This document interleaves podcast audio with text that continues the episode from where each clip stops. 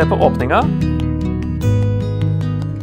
Det som var fra begynnelsen, det vi har hørt, det vi har sett med egne øyne, det vi så, og som hendene våre tok på, det forkynner vi. Livets ord. Og livet ble åpenbart, vi har sett det og vitner om det og forkynner dere det evige liv, som var hos Far og ble åpenbart for oss. Det som vi har sett og hørt, forkynner vi også for dere, for at dere skal ha fellesskap med oss, vi som har fellesskap med Far og med Hans Sønn Jesus Kristus. Og dette skriver vi for at vår glede skal være fullkommen. Her er åpningens, Hva er åpningens eh, hensikt? Ja, at han er øyenvitne. Kanskje det siste gjenlevende øyenvitnet.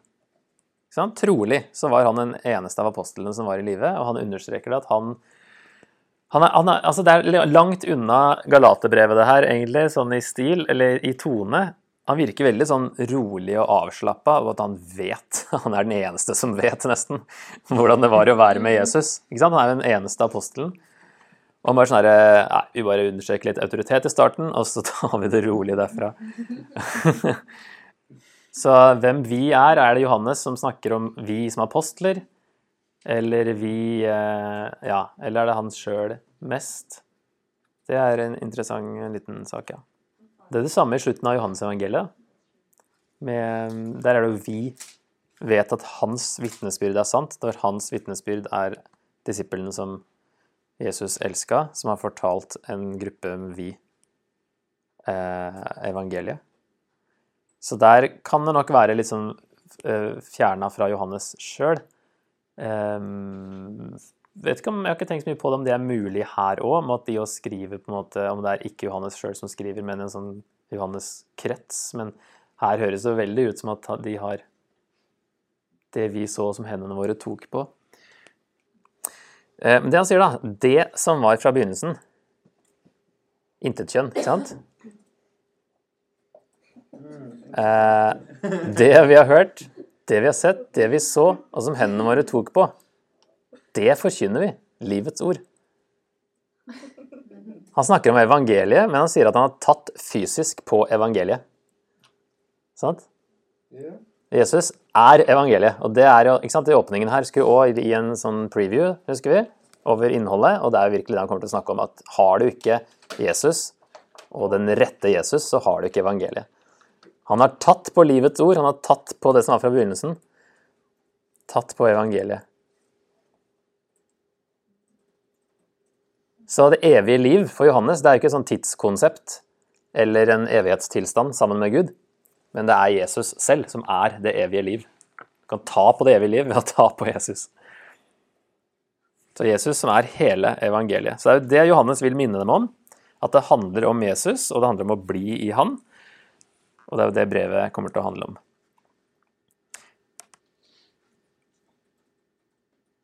Og det her er historiske Jesus, så på å si, The Quest for the Historical Jesus, som finner ut hvordan var en historisk Jesus som om han var en annen enn evangelienes Jesus.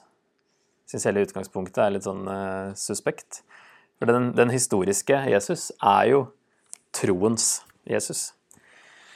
De er identiske, og det er uh, liksom Hva er vitsen med å drive og finne den historiske Jesus? Liksom? Det er jo denne Jesus uansett det dreier seg om. Én Jesus. Eh, han sier at det dreier seg om et fellesskap med andre troende vi forkynner dette for dere, sier han, for at dere skal ha fellesskap med oss, vi som har fellesskap med Far og med Hans Sønn Jesus Kristus. Sånn at det er et fellesskap både med andre som tror, og med Jesus og Gud selv.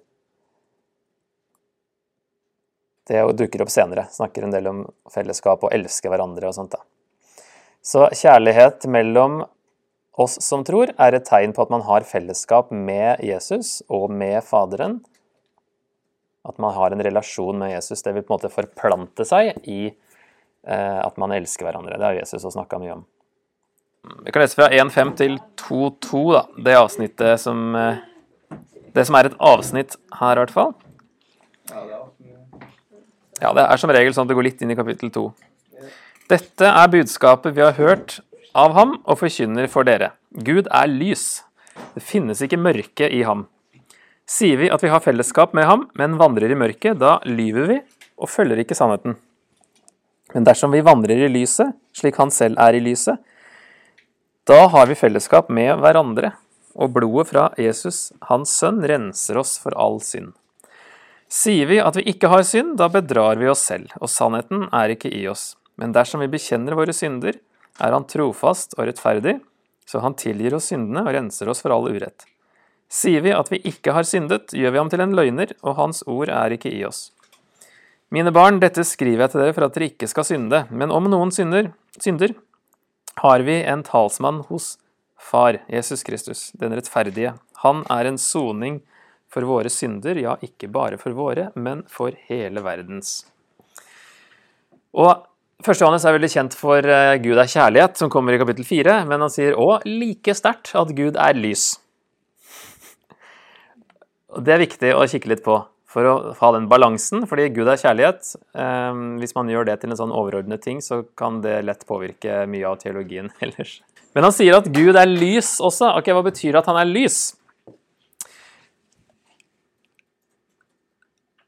Assosiasjoner til fysisk lys ikke sant? det er jo én ting. Gud er at han er i herlighet, altså i sin herlighet. Det lyset der han bor, på en måte. Salme 104 står Du har kledd deg i høyhet og herlighet. Du svøper lyset om deg som en kappe. Så der er herlighet og lys en parallell. Dette er 1. Timoteus 6. Det står det at han, han som bor i et lys dit ingen kan komme. Så det er en Altså når man tenker fysisk lys, så er det der, liksom der den herligheten der bare Gud er, der ingen kan komme. I utgangspunktet, sant? Men så kommer evangeliet. Johannes bruker jo det på den måten i Johannes eh, evangeliet i starten der, tror jeg. Johannes 1,9 Det sanne lys som lyser for hvert menneske, kom nå til verden. Men det, nei, for så vidt, det er ikke denne. Dette blir neste. Her, på andre tolkninger, eller andre, andre måten lys brukes på, da, er om sannhet. Og da kan vi snakke om intellektuelt. um, så i Johannes 1, 9, Johannes evangeliet 1,9, så står det 'det sanne lys som lyser for hvert menneske, Kommer nå til verden'. Og der er jo egentlig 'som opplyser hvert menneske', ble også ordet brukt som. At du får eh, Du skjønner sannheten. Så eh, ja, her har vi det jo. Johannes 1,9. Det sanne lys som lyser opp ethvert menneske. Lyser for, står det her, da. Men det er forskjellige oversettelser. Og det ordet ble brukt også i filosofien om å få liksom opplysning når du fatta, når du så lyset. Det som er i Johannes 1,9. Så det er en annen, altså ja, sannhet. Det har med det å gjøre. Intellektuelt lys. Og så er det ikke minst da, hellighet. Et moralsk lys. Eh, I Johannes evangeliet, vers, nei, kapittel 3, vers 19-21, så sier eh, Om det er Jesus eller Johannes der, for det, det glir, glir, over i hverandre. Jeg kan jo sjekke når jeg først er her. Det står anførselstegn fortsatt her, da. Men um, det er litt sånn interessant med Johannes at han er glidende overganger av og til. Og dette er dommen. Lyset er kommet til verden, men menneskene elsket mørket høyere enn lyset fordi deres gjerninger var onde. Det er lyset som er motsatt av det onde, da. For den som gjør det onde, hater lyset og kommer ikke til lyset, for at hans gjerninger ikke skal bli avslørt. Men den som følger sannheten, der har vi definisjon to, kommer til lyset, så det skal bli klart at hans gjerninger er gjort i Gud. Så hvis vi summerer opp det her, hva betyr det at Gud er lys? Så betyr det nok alt det her. Altså at Gud og mørke, altså usannhet og ondskap, er gjensidig utelukkende. Han sier jo det, det finnes jo ikke mørke i Gud, for han er lys. Han er sannheten, han er hellig, og han er i en herlighet der ingen kan komme, og som ingen har sett. Um, Så det er også viktig å få med seg, da, det her med det å, at Gud er lys når han er kjærlighet òg. De to må holdes sammen. Gud er kjærlighet, men Gud er også hellig. Ok, Så hva betyr det å vandre i lyset, som er det neste han kommer til, da? Og her blir det litt sånn sirkulær eh, oversikt, fordi han skriver jo på en sånn sirkulær måte. Så du må hoppe litt eh, rundt omkring i brevet og samle litt eh, tråder. Så, men det han sier, det å vandre i lyset, det er jo å ha fellesskap med Gud, sier han. Eh, jeg finner igjen 1. Johannes. Sier vi at vi har fellesskap med ham, men vandrer i mørket, da lyver vi og følger ikke sannheten. Ikke sant? Så vandrer i mørket hvis vi eh, ikke, Altså hvis vi eh, Altså da har vi ikke fellesskap med Gud, hvis vi vandrer i mørket.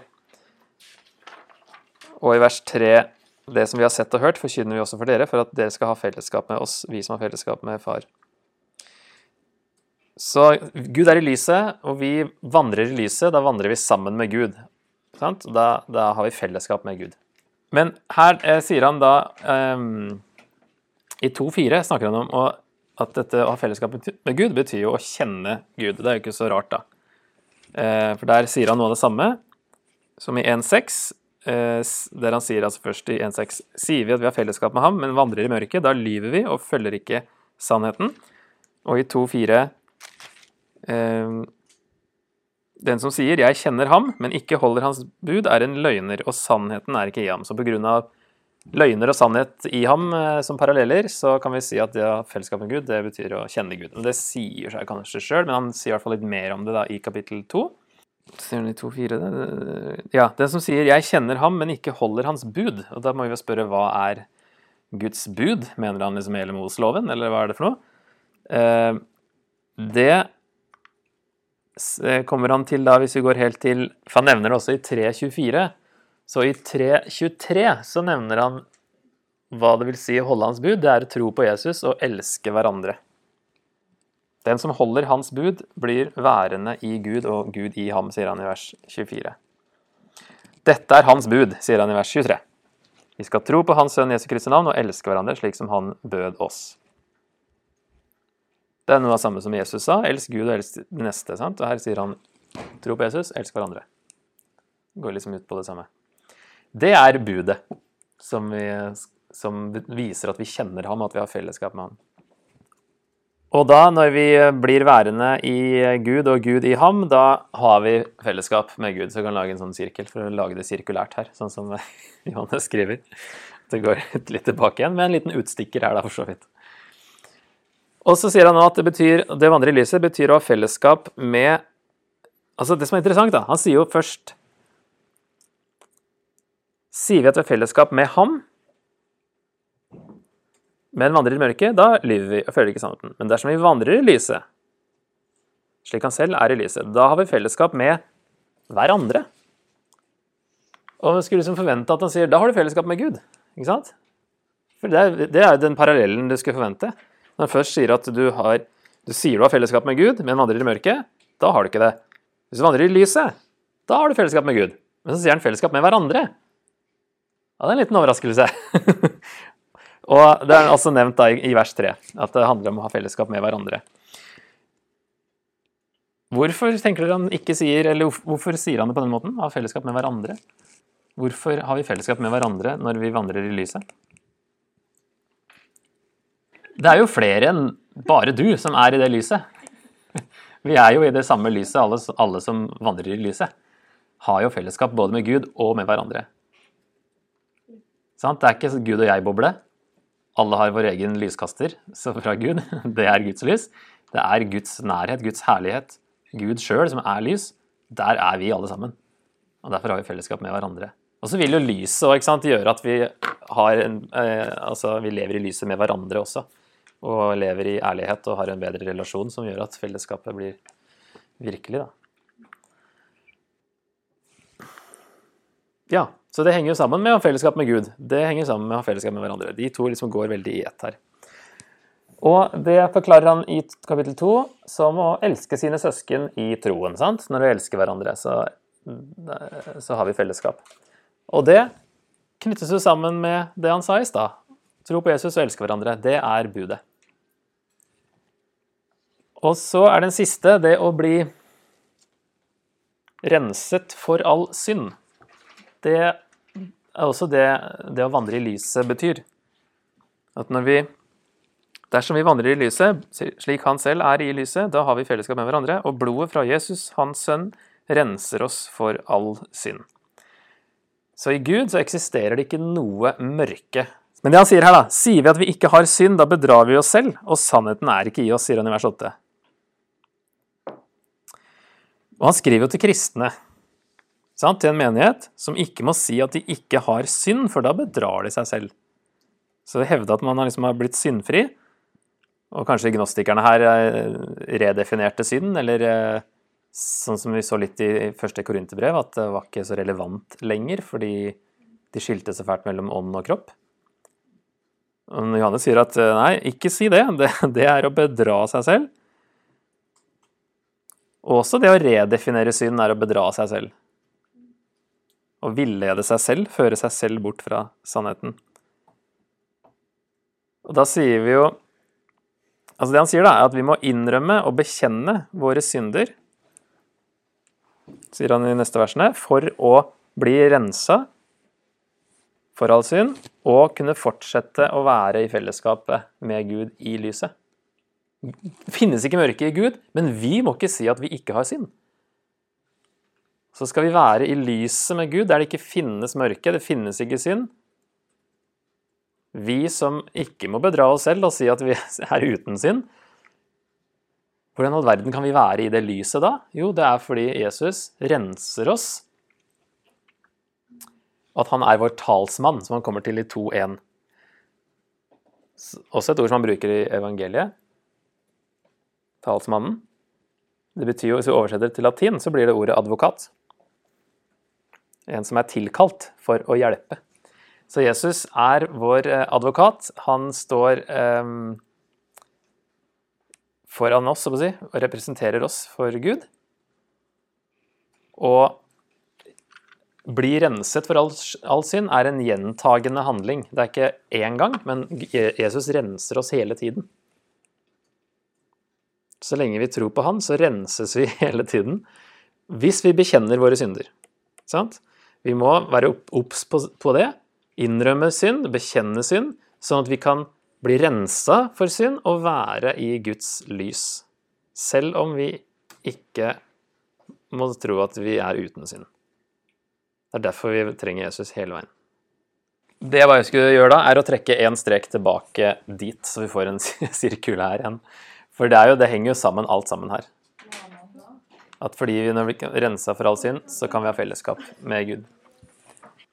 Men tre tester for å avsløre vranglærere.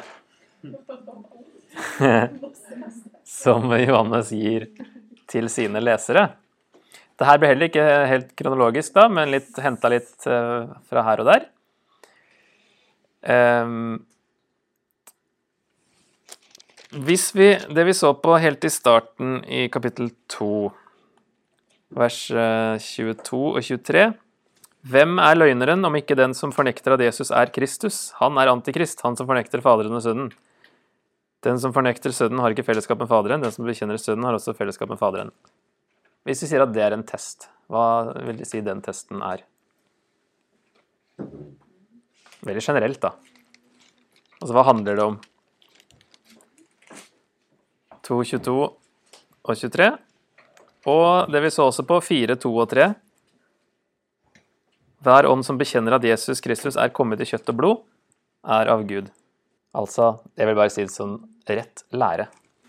Så det er første Det er jo et viktig, ikke sant? Når du snakker om vranglære, så må man jo vite hva man eh, tror på selv. Og så må man eh, eh, ja, kunne identifisere hva som ikke stemmer med Bibelen. Og for de, leserne her så var det det som ikke stemmer med det de har hørt av apostlene. I 2.18 der kommer dere antikrist-verset, da. Som vi så på i stad. Dere har hørt at Antikrist skal komme, og mange antikrister har alt stått fram. Derfor vet vi at dette er den siste tid. Og så sier han i kapittel 4 Mine kjære, tro ikke enhver ånd. Prøv åndene om de er, er av Gud. For det er gått mange falske profeter ut i verden. Så det ser ut som han kobler sammen antikrister med falske profeter. Det er ikke så rart at det er liksom noe av det samme. På dette kjenner dere Guds ånd. Og Det andre altså den, som kan tas med som en sånn rett læretest. da. Bekjenne at Jesus Kristus er kommet i kjøtt og blod. Eh, de som ikke bekjenner det, er ikke av Gud, det er ånden til Antikrist, som dere har hørt skal komme. Og den ånden er allerede nå i verden. Sier det to ganger. Det er kanskje Johannes som lagde ordet antikrist. Vi har det i hvert fall ikke før. Så, eh, og så sier, Jesus i Markus 13 for falske messiaser og falske profeter skal stå fram og gjøre tegn og under for om mulig å føre de utvalgte vill. Så vi kan nok koble sammen alt det her. ikke sant? Jesus advarte mot at det kommer falske profeter, falske messiaser, som kommer til å føre vill. Johannes nevner falske profeter og kobler det sammen med kalle de alle for antikrister. Så der har vi i hvert fall en viktig sånn I hele antikristdebatten så må vi ta med det Johannes, som er den eneste som, kall, eh, som bruker det ordet, og som kanskje fant på det ordet, hva han definerer det som. Han sier at det er mange av dem, og de har kommet, og de er egentlig falske profeter alle sammen.